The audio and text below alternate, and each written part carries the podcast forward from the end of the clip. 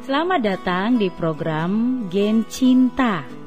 Generasi Cinta Alkitab SLCC Bali. Kekhawatiran merugikan diri sendiri. Mazmur 13 ayat 1 sampai 6 Berapa lama lagi aku harus menaruh kekhawatiran dalam diriku? Dan bersedih hati sepanjang hari.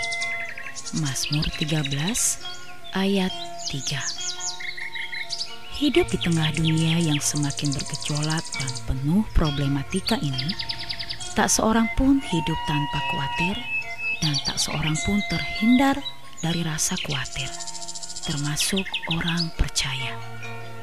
Jika ada orang yang menyatakan diri bahwa ia tidak pernah merasa khawatir sedikit pun dalam hidupnya, hal tersebut adalah sebuah penyangkalan. Akan tetapi, setiap kita dapat menolong diri sendiri terlepas dari rasa khawatir, yaitu mempercayakan hidup sepenuhnya kepada Tuhan dan melihat setiap masalah, situasi, keadaan, atau peristiwa yang ada dari sudut pandang firman Tuhan. Dalam Kamus Besar Bahasa Indonesia, kata khawatir memiliki pengertian takut atau gelisah dan cemas terhadap suatu hal yang belum diketahui dengan pasti. Perasaan ini biasanya dihubungkan dengan pikiran negatif tentang sesuatu yang mungkin terjadi di masa yang akan datang Khawatir juga berarti was-was, bingung, dan pikiran terpecah-pecah. Tuhan berfirman, "Janganlah khawatir akan hidupmu, akan apa yang hendak kamu makan atau minum, dan janganlah khawatir pula akan tubuhmu, akan apa yang hendak kamu pakai. Bukankah hidup itu lebih penting daripada makanan, dan tubuh itu lebih penting daripada pakaian?" Matius 6 ayat 25. Lalu dia menambahkan, Siapakah di antara kamu yang karena kekhawatirannya dapat menambahkan sehasta saja pada jalan hidupnya? Mazmur 6 ayat 27. Tuhan memperingatkan kita untuk tidak khawatir karena dia sendiri yang menjadi jaminan bagi kita.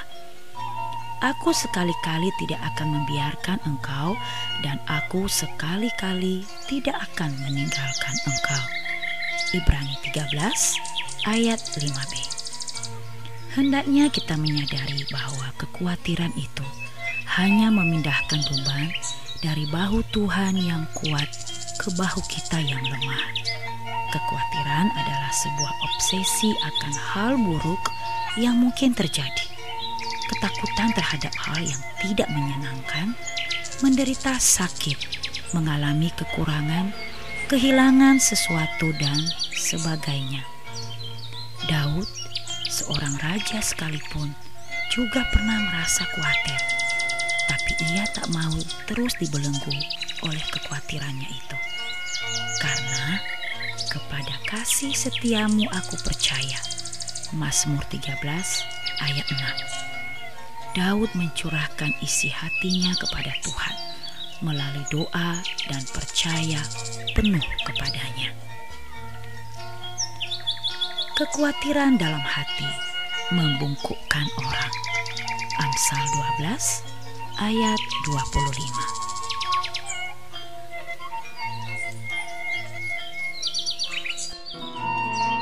Demikian program Geng Cinta generasi cinta Alkitab kita hari ini, saya mengucapkan selamat berakar dalam firman Tuhan, bertumbuh dalam iman, berbuah dalam kasih dan kekudusan.